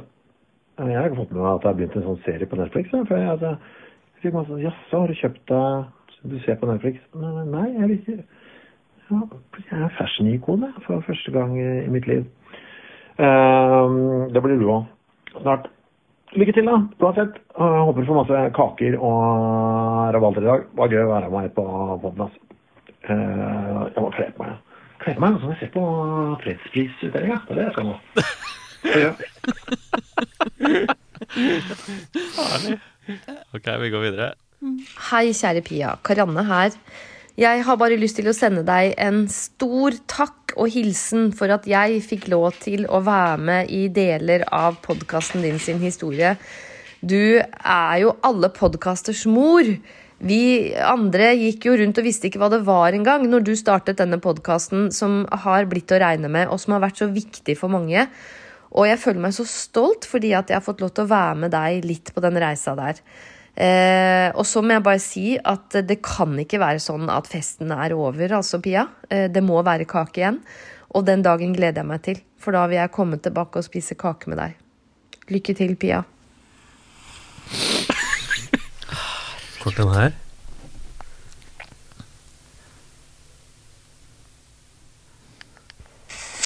Hei, Pia. Jeg forstår at dette er siste sending eh, med Pia og psyken. Det tror jeg mange vil synes er synd. Tusen takk for at jeg ble invitert med for å være med på en av sendingene, og takk for at vi har hatt kontakten siden. eh, Og det håper jeg vi også skal fortsette med. Lykke til, og tusen takk. Det var Det var Lars Erik Lund. Ja, det hørte jeg. Mm. Det Katrin Sagen, altså en liten beskjed. Kjære Pia. Tusen, tusen takk for alt innhold, alle de timene med podkast som du har laget til oss som hører på deg. Altså, du har en helt egen evne til å lage de vanskelige temaene på en måte både lette og gøye og såre samtidig. Underholdende og viktige. Så jeg gleder meg til å finne ut av eh, hva du skal gjøre fremover nå. Kanskje bare for din egen del, men kanskje også for oss. Hvem vet? Lykke til, og tusen takk. Herregud. Helt unna, skal vi se. Hei, Pia. Det er Kadra her. Du, jeg syns det er litt kjipt ja, at du skal legge ned podden. Eh, men egentlig så syns jeg også at det er direkte uansvarlig å legge vår mentale helse i hendene på Sofie Elise. Men jeg forstår, Pia, at eh, du har gjort ditt nå. Du må videre. Det er stor verden. Du skal finne på masse nye sprell. Eh, og jeg heier på deg. Jeg heier på deg, og jeg ønsker deg masse, masse lykke til. Så gleder jeg meg til å se og høre hva du finner på neste gang. Lykke til, da. Jeg har en siste her. Hei, Pia. Det er eh, Peder Kjøs her. Eh, Det er leit å høre at du legger ned podkasten din, men det går jo an å tenke mest på det at den fortsatt fins der ute, og helt sikkert kommer til å fortsette å være til nytte og glede og trøst for mange. En påminnelse om at de ikke er helt aleine. For det er et fantastisk verk du har lagd, og jeg er ganske stolt av å ha vært gjest og fått en liten plass i det verket. Så lykke til med hva du enn finner på videre. Du er super, du, Pia. Jeg har én igjen. Tåler du en til? Jeg tåler en til. Kjære, kjære, kjære, kjære, kjære. Pia Beate. Wow, wow, wow. For en person. For, en, for et fyrverkeri. For en uh, For en fart. For en spenning. For en uh, integritet. For en uh, For en glede. En ære.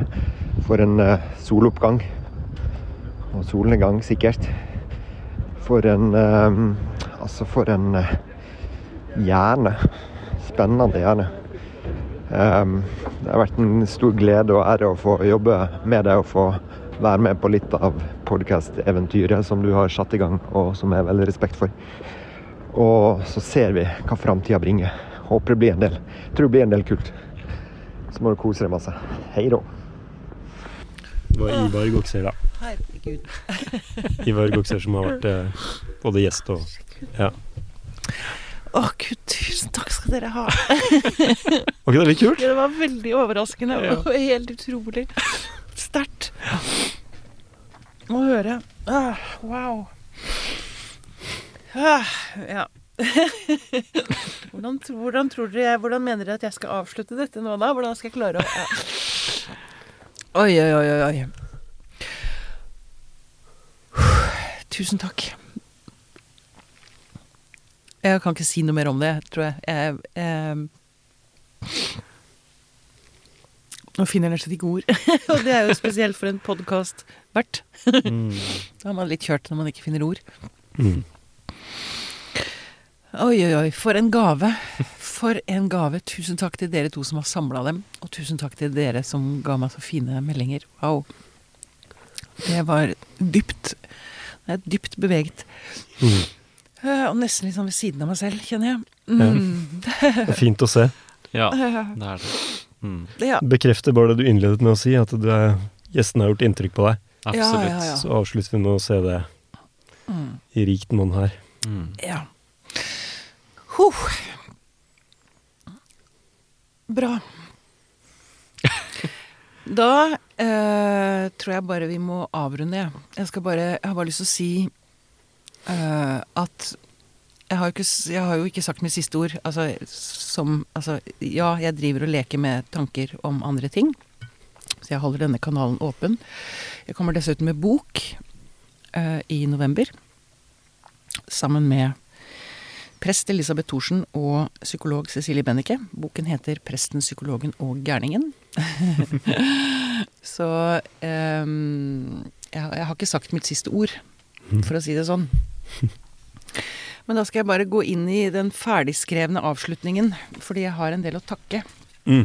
Skal vi se om jeg klarer å komme meg gjennom dette uten å begynne å grine. um, det er rett og slett ikke mulig å sette ord på hvor mye jeg har fått fra alle dere fantastiske huspsykologer og huspsykiatere som har sittet ved siden av meg gjennom alle disse episodene. Så det eneste jeg kan si, er at det ville ikke vært noen Pia og psyken uten dere. Så tusen takk til Anne Kristine Bergem, Karianne Vrabel, Finn Skårderud, Simen Fjelstad Holm, Magnus Johan Engen og Aksel Inge Sinding. Så må jeg også rette en stor takk til de som har støttet Pia og psyken økonomisk opp gjennom årene. Stiftelsen Kåre Berg, Eckbos legat, Kinderstiff Consulting, Stiftelsen Scheibler og Fritt Ord. Og ikke minst takk til alle dere som har vipset. Pia og psyken hadde ikke levd så lenge som dere tross alt har gjort, hadde det ikke vært for støtten jeg har fått fra dere. Kjære Mathias Grinde, tusen takk for kjenningen. Musikken du laget til Pia og psyken. Jeg er aldri blitt lei av den, og jeg har hørt den mange ganger. Det har vært en like stor glede å høre den hver eneste gang jeg klargjorde en episode. Kjære, kjære Alexander Solbakken, mannen som har vært med på dette prosjektet helt fra begynnelsen. Tusen takk for designet av logoen, som har fulgt meg hele veien. Jeg elsker også den fortsatt. Tusen takk også for all hjelp opp igjennom. En vakker dag så skal jeg lønne deg ordentlig for alt det du har gjort for meg. Til hver og en av gjestene som har kommet i studio og delt sin kompetanse, sin innsikt og sin klokskap, delt sine egne historier, sin smerte og sine håp. Dere har jo vært selve gullet her. Tusen takk. Og så, sist, tusen takk til hver og en av dere som har lyttet. Selv om jeg ikke vet hvem dere er, i hvert fall de aller fleste av dere, vet jeg ikke hvem er, så er det jo dere som har holdt meg gående. Vissheten om at det finnes folk der ute som har sittet, ligget og gått med oss på øret, er det som har gitt meg næring til å fortsette. Tusen takk skal dere ha. Jeg går altså med tanker om noe nytt på denne kanalen, så jeg holder den åpen, det har jeg sagt før, så vi høres nok igjen. Men når det gjelder Pia og psyken, så er det bare én ting igjen å si. Tusen takk for meg.